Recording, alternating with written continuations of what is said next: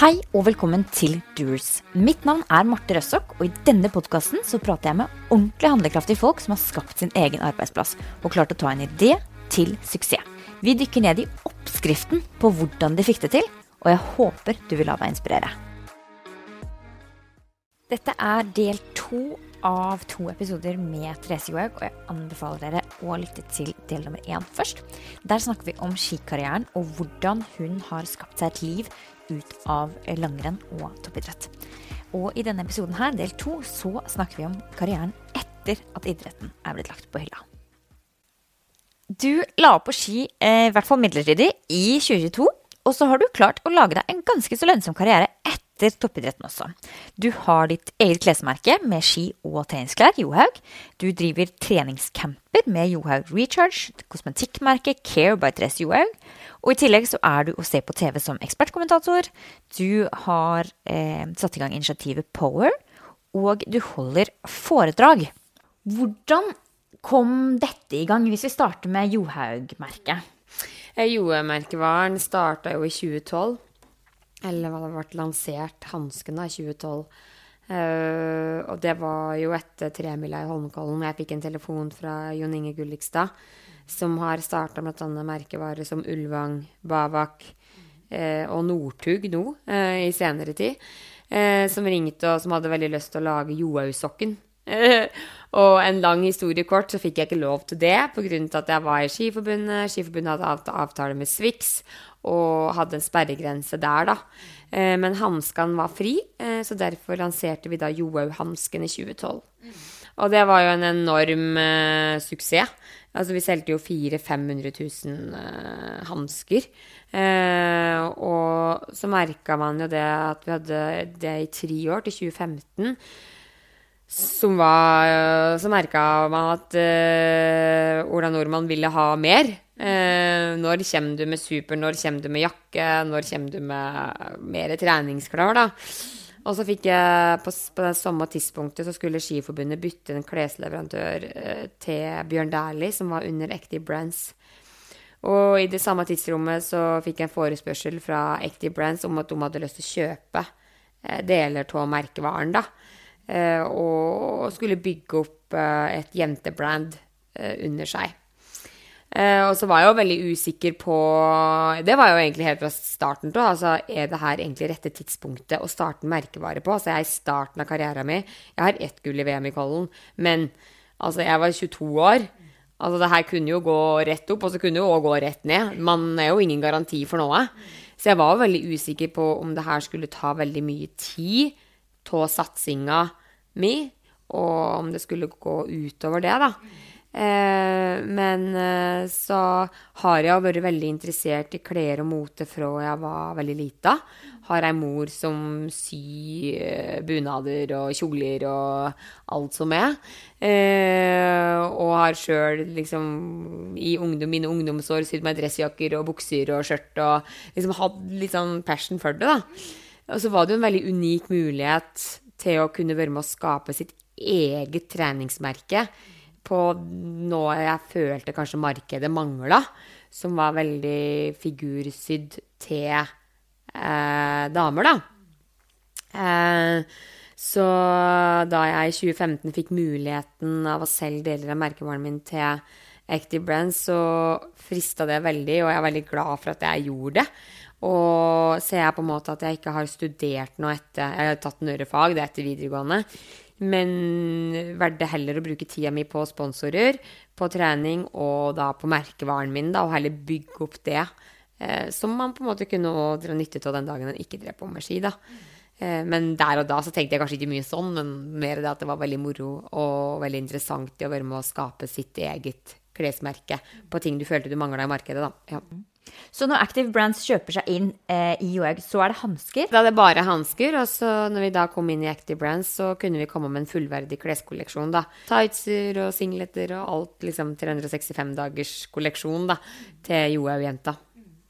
Hvor aktiv har du vært inni der, da? Utviklingen av disse produktene? Mm. Jeg har jo på en måte et fullt team som jobber daglig og 100 i merkevaren. Altså I dag så er vi kanskje 15 personer som jobber for fullt i Johaug. Jeg må jo skryte av de, dem som jobber der. Det er fantastiske jenter eh, som virkelig legger ned hver dag en solid jobb for at eh, merkevaren skal vekse, og at eh, vi skal komme med de råkule klærne. Eh, så jeg føler meg utrolig heldig som har så fine kollegaer og, og folk til å ta vare på brandet, da. For det er jo liksom Du setter jo navnet ditt på eh, ei jakke og en stillongs og en bukse. Eh, så jeg har jo på en måte vært litt som poteten. Vært med litt på salg, litt på marked, litt på design og kan komme med innspill på produkter jeg føler mangler. Har testa vanvittig mye og funnet bare sånn Nei, den jakka der er ikke bra nok, den er god nok, vi må rette opp den halsen sånn, hetta skal være sånn, vi må ha mer padding her, det skal være mer dun på rumpa. Ja. Eh, for vi, vi har jo veldig, veldig fokus på å lage klær som er tilpassa kvinnekroppen og på kvinners anatomi, hvor vi fryser på kroppen. Og vi har litt andre preferanser enn en, uh, mannfolka, da, når det gjelder valg av treningsklær. Samtidig som at jeg vil Og jeg savna egentlig litt mer den derre feminine, sofistikerte eh, klesstilen. Som bar preg av litt fashion. Men at kvaliteten skulle være råbra, da. Hvor mye er det du er innom der nå, da? Er det en arbeidsplass for deg nå? Eh, ja, altså jeg er jo med litt, sånn eh, fortsatt litt sånn eh, nå og da med ting som skal gjøres. Eh, nå har vi jo lansert merkevaren Eh, ikke bare i Norge og Sverige og Finland, men nå begynner vi å se det store utland, som er kjempestort for oss, og skulle begynne å vokse der. Så jeg har vært på lanseringer både i Tsjekkia og i Frankrike, og om en liten måned så skal jeg ned til Sveits og lansere merkevaren der.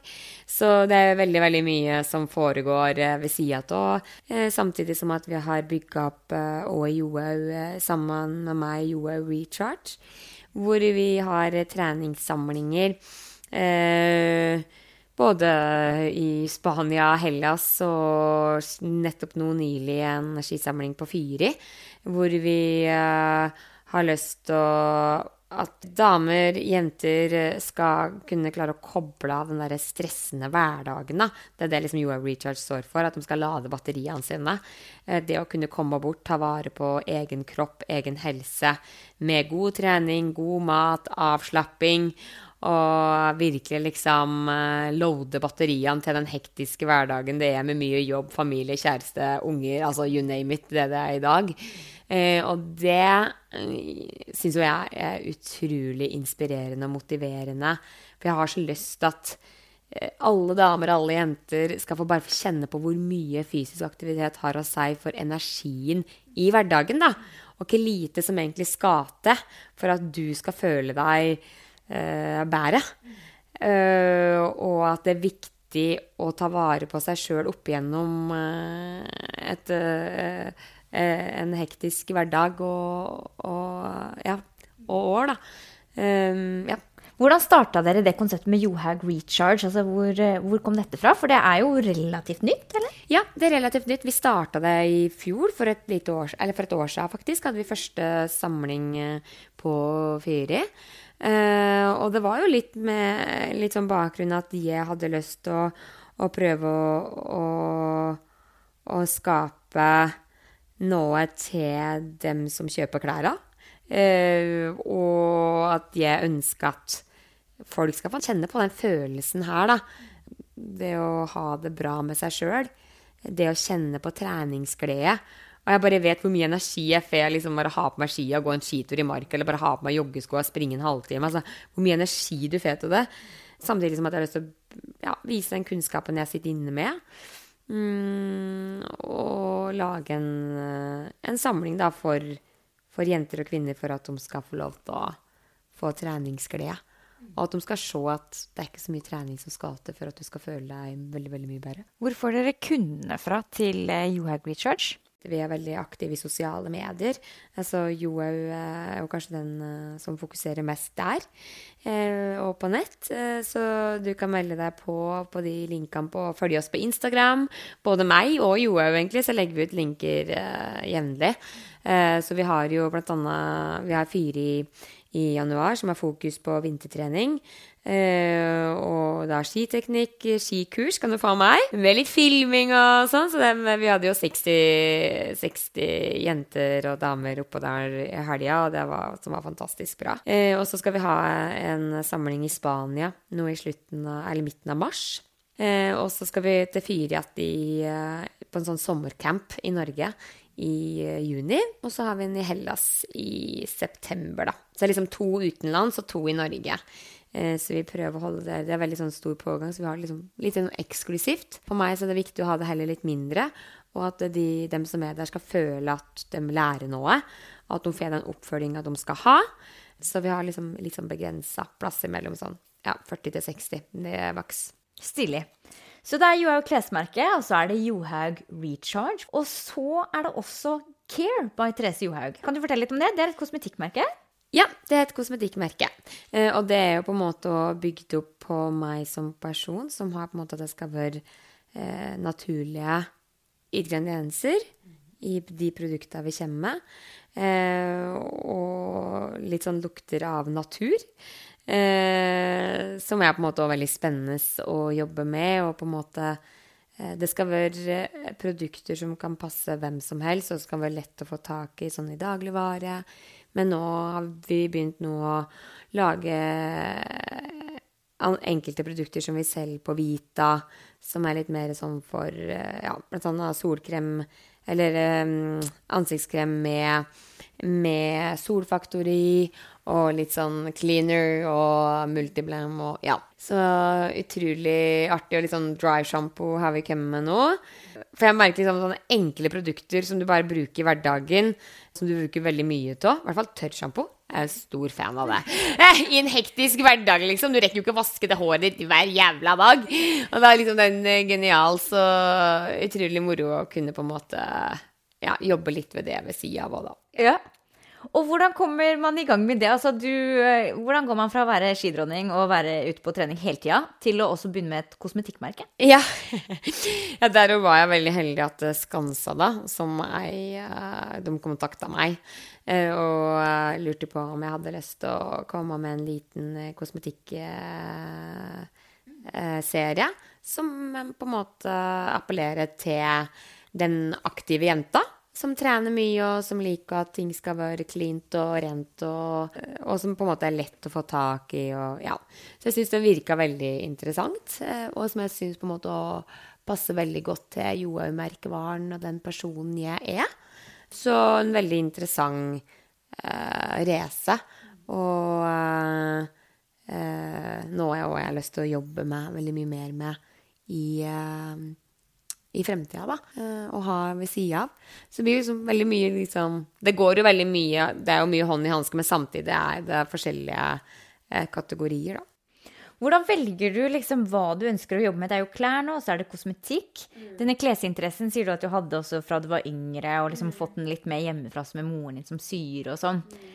Og så antar jeg at du kanskje får en del tilbud om å være med på ting og fronte ting og sånn. Hvordan velger du ut hva du ønsker å være med på eller gå for? Ja, nei, Gjennom en lang skikarriere så har jeg fått veldig mange forskjellige forespørsler eh, på ulike sponsorer og, og, bedrifter som har lyst, lyst til å sponse meg.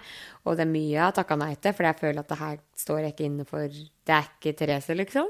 Så det er kanskje det viktigste, at jeg sjøl skal føle at det her er meg. Um, det her er det mine verdier. Det her er noe jeg har lyst til å sette navnet mitt på. Det her er noe jeg har lyst til å assosiere meg med. Um, ikke noe, altså Min kjæreste er veldig fan av Red Bull og har jo drukket Red Bull i hele sin aktive karriere som roer. Uh, og, og, drikker mye Red Bull en dag i dag og er jo Red Bull-kongen, liksom. Uh, mens jeg har jo nesten Jeg tror jeg aldri har drukket en Red Bull. Så sånn energidrikk eller bare sånn Eller ulike shaker uh, ulike sånne kosttilskudd. det er liksom, det er ikke helt så det har jeg takka veldig veldig mye nei til. Selv om det er jo veldig veldig bra produkter og, og som har kule verdier og eh, sånn, men, men, det er kanskje ikke meg. Så eh, da er nok jeg mer den som drikker vann eller eh, eh, berømte isklarflaska, som dere sikkert har sett på. Men hvis du skjønner meg hva jeg mener, da, at det, da velger jeg heller kanskje da isklær fremfor Red Bull, da. Eh, fordi eh, det er ingen, ikke noe galt med, med dem jeg takka nei til. Det er sykt bra produkter, men Nøren produkter passer mer til F.eks. sånn som kjæresten min, eller mannen min, som han er nå i dag. da. Etter vi gifta oss. Uh, ja, men du skjønner hva jeg mener. Uh, så sjøl om du på en måte kunne ha fått en veldig bra sponsoravtale, man kunne ha fått veldig mye penger av det, uh, så er ikke det meg. og så har du fått mange forespørsler på å stille opp på ting. Kan du komme hit, være med på et renn her, et renn der, en løpekonkurranse, og du skal få så og så mye, og du skal ditt, og du skal få datt. Men samtidig så strekker ikke hverdagen til det. Så da har jeg heller jeg prioritert trening på hjemmebane. For jeg vet at det er det viktigste for at jeg skal nå mine mål når vinteren kommer, da.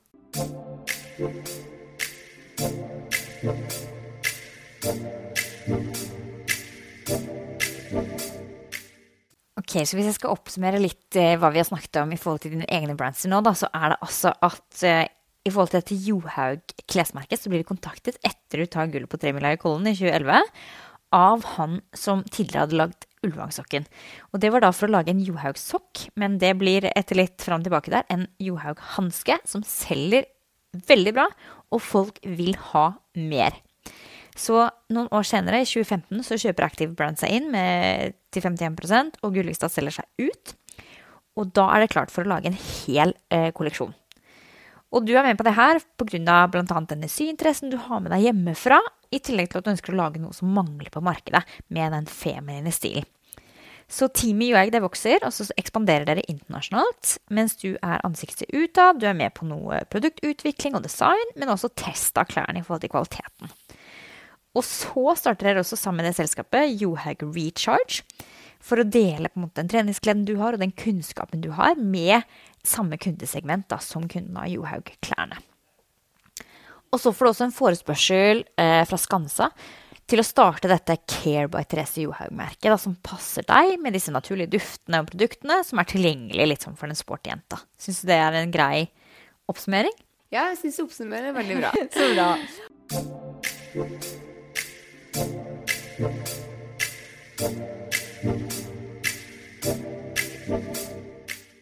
Da har vi vært gjennom den jobbinga med egne brands, men det er jo enda mer du holder på med nå. Du holder litt foredrag. Du har engasjert deg i dette Power Initiative. Eh, og eh, du jobber som ekspertkommentator. Hvis vi begynner med ekspertkommentatorjobbinga, hvordan blir man en ekspertkommentator? Nei, da må du trene jævlig mye og gå uh, ganske mange skirenn gjennom ganske mange år. Nei da, du må det ikke. Uh, nei, jeg fikk jo et tilbud fra, fra NRK i, i, fjor om jeg hadde lyst til å være med og, og være en ekspert, da, på, på TV-en. og det hadde jo veldig, veldig lyst til. Fordi du vet, du har drevet på så lenge med en idrettskarriere. Altså, identiteten din, sjela di, ligger jo i skia. Det å være på skirenn, det å se skirenn, eh, det å analysere skirenn, det å se på skiteknikk, åssen utøvere løser taktikk, teknikk, eh, i skirenn. Og det er der familien min er. Jeg merker liksom, jeg blir så glad når jeg er på en idrettsarena og startskuddet går dit, dit. Jeg er bare sånn Å ja, her er meg! Eh, og det å nå få lov til å være med NRK, som er en fantastisk gjeng å reise på tur med, som du kjenner liksom Du har akkurat akkurat de samme interessene som dem. Du kan sitte og nøle på løpsopplegg og åssen folk har kjørt en sving, og åssen de går dobbeltdans, og åssen de går padling teknisk. Altså Du går liksom inn i sånne små ting som bare sånn Ola Nordmann bare sånn eh, Hva er det, liksom?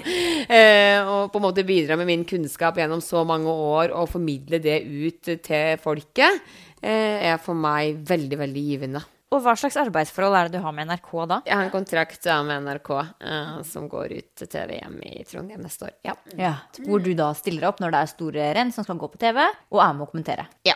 Og så holder du på med litt foredrag rundt omkring. Ja. Jeg har jo eller sånn etter jeg har lagt, lagt opp òg, når jeg la opp så foredrag og litt sånn spesielt kanskje sånn motivasjonsforedrag, da. Eh, til bedrifter på åssen vi som idrettsutøvere jobber for at vi har lykkes med det vi holder på med. Eh, som jeg ser kan relateres veldig mye i næringslivet. Åssen folk jobber der, åssen få en bedrift til å kunne samarbeide for å nå de måla de setter seg. Åssen eh, har vi på damelaget jobba for at damelaget skal lykkes best i de mesterskapene vi har stilt opp til? Det er veldig mye felles, eh, felles eh, trekk her. Og men òg liksom åssen jeg har jobba som enkeltutøver for å bli god. Og hvordan stå i motgang. Jeg har jo opplevd utestengelsen så til de grader. Det å på en måte bli utestengt fra idretten, og du elsker i to år. Bare bli kasta i en krok, du skal bare være der.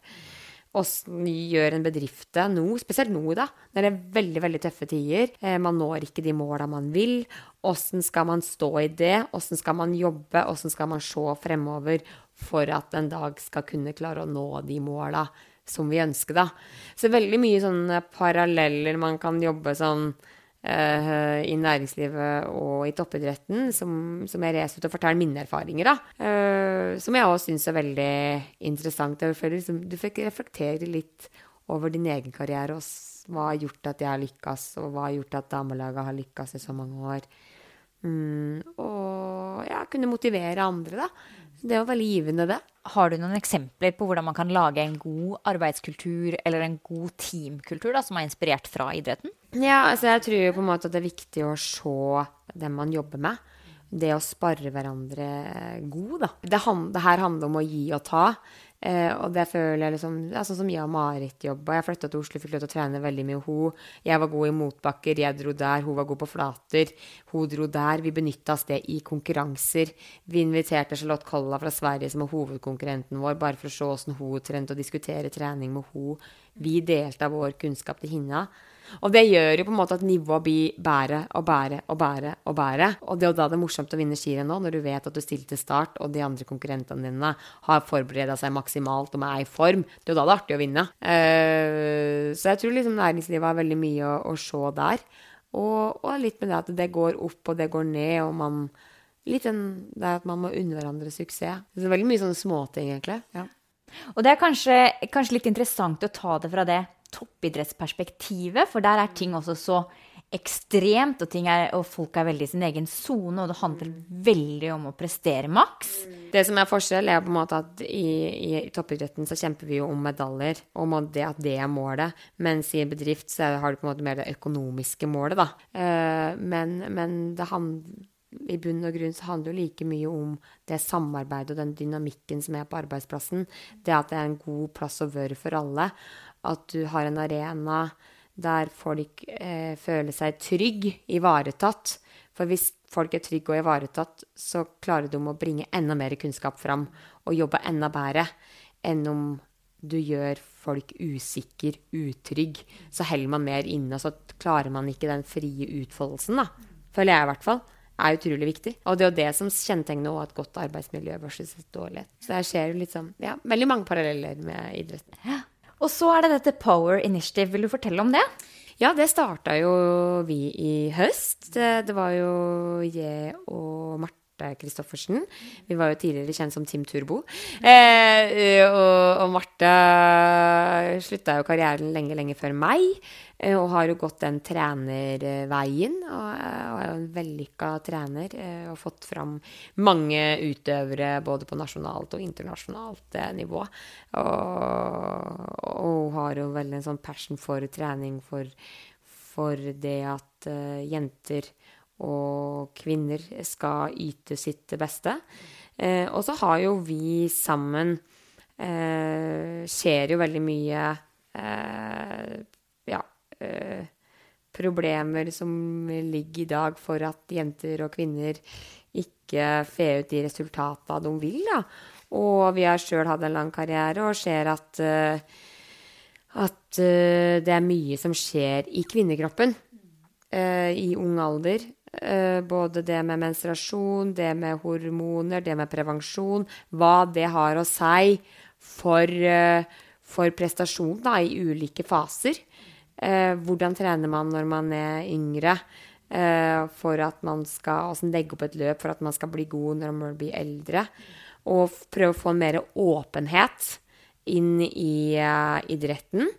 Eh, like mye til å få flere kvinner inn i idretten. For vi mener at hvis kvinnene Kvinner møter kvinner på en litt annen måte enn det menn møter kvinner på. Eh, fordi vi sjøl har kjent det på kroppen, vi sjøl vet åssen ting funker, og kanskje klare yngre jenter å åpne seg mer til eh, damer, da, enn det de gjør til, til mannlige trenere.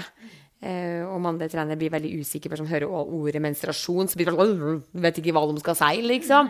Og det skjønner jeg, fordi de ikke har den kunnskapen og den erfaringa som vi kvinner har, da.